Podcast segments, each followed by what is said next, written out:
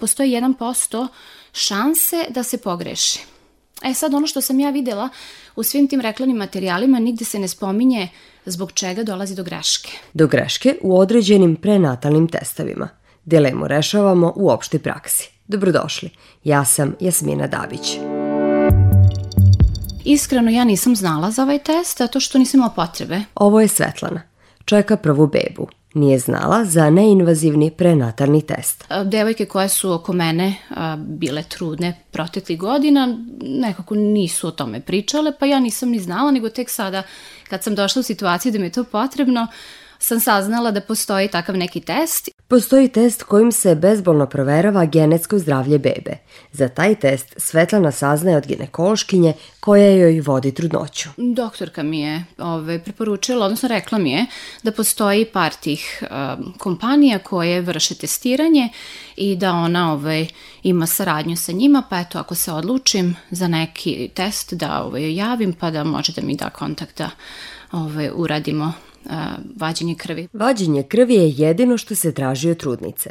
Svetlana razmišlja, zašto da ne uradim ovaj test? Jeste da košta 600-700 evra, ali bar neću ići na amniocentezu. Ipak imam preko 32 godine, doktorka mi svakako savjetuje amniocentezu, pa ajde od ovo mi možda nekako bilo malo lakše da prihvatimo. Lakše da prihvati od amniocenteze, da se dugačkom iglom kroz stomak uzme plodova voda.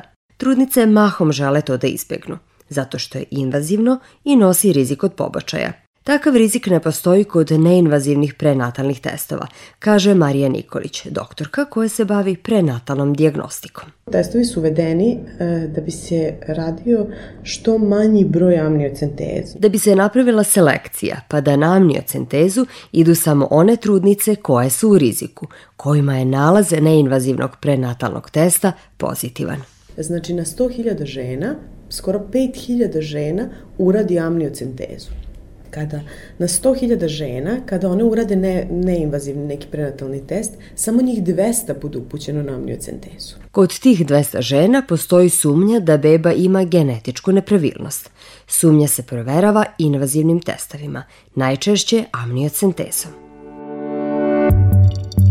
trudnica Svetlana odlučila se da uradi neinvazivni prenatalni test. A eto, meni, na primjer, u glavi je u suštini bilo da eto, želim da saznam pol sa što pre. To mi je onako bilo prvo. Nisam ni razmišljala da nešto drugo može da bude, ali ajde, što da ne, da saznam da, se, da je sve u redu, da se opustim i da eto mogu da uživam. Svetlana sa nestrpljenjem čeka rezultate. Sreća pa rezultati stižu brzo, za nekoliko dana ali rezultatima je iznenađena ne samo Svetlana, nego i njena ginekološkinja. Kaže ona, eto, možda i ultrazvuk ne mora da bude uvek tačan. Nije, nije, nije mogla da mi kaže, ma to je sve u redu, kada eto test je pokazao da nije. A opet da mi kaže nije, nije, a onda te onaj drugi test pokaže da jeste, I ona je bila onako malo u nezgodnoj situaciji, šta da mi kaže? Zato što je nalaz neinvazivnog testa pozitivan. Svetlana ga proverava. E, oni su ove, rekli da eto, ukoliko je pozitivan rezultat, oni ovaj, pokrivaju troškove amniocenteze, ali amniocenteza može se uraditi tek u 16. nedelji.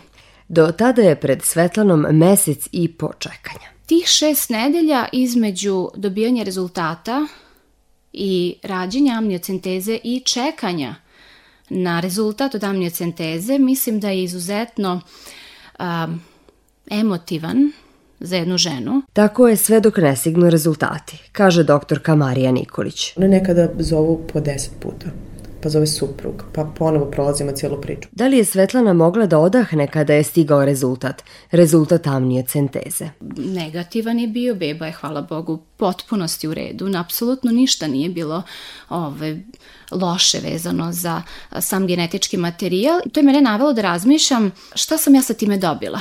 Nemir, neizvesnost, nedoumicu. Recimo šta bih ja a, očekivala od tih kompanija koje uopšte a, promovišu i a, koje savetuju žene da urade ovakav jedan ne, neinvazivan test, da objasne iz kojih razloga može da dođe do lažno pozitivnog rezultata. Otkud lažno pozitivan rezultat objašnjavaju doktorka Marija i molekularni biolog Borislav Simović. U krvi majke zapravo se nalaze ćelije placente, DNK placente. Placente je privremeni organ i kao takav je podložni mozaicizmu. Prvo zbog tog mozaicizma, to je jedno stanje gde samo posteljica sadrži ćelije koje imaju višak ili manjak hromozoma, a kod bebe ih nema. I onda u krvi majke su fragmenti DNK koji su ovaj, tog porekla, tako da, da može da dođe tu do nekog neslaganja.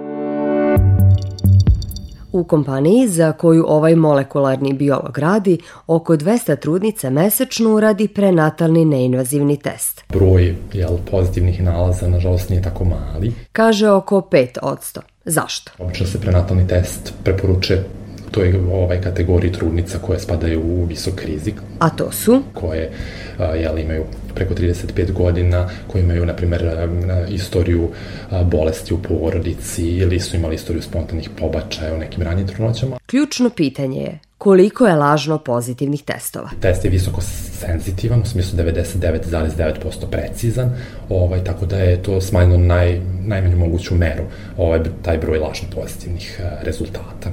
Svetlana je mislila, valjda neću biti u tih 0,1%, ali je bila. To je problem. Kada je test negativan, problema nema. Dubravka Miljojković, majka dva deteta. Prvi put je ostala trudna u 38. godini. A, prvi put 2016. godine a, ja sam na neki način preskočila prenatalni test jer sam m, smatrala da će možda amiocenteza biti nešto što će meni biti onako sigurna varijanta. Tada Dubravka nije imala poverenja u neinvazivne prenatalne testove. Drugi put ostala je trudna u 41. godini.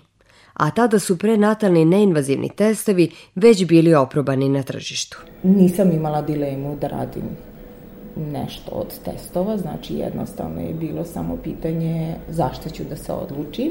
Odlučila se za test u desetoj nedelji trudnoće. A zato što zaista brzo, na neinvazivan način možete da dobijete informacije o tome u kakvom stanju je vaša trudnoća i da li to ide u nekom pozitivnom ili, ne daj Bože, onom negativnom pravcu. Rezultati su stigli za šest radnih dana. Negativni su bili. Dubravka je odahnula.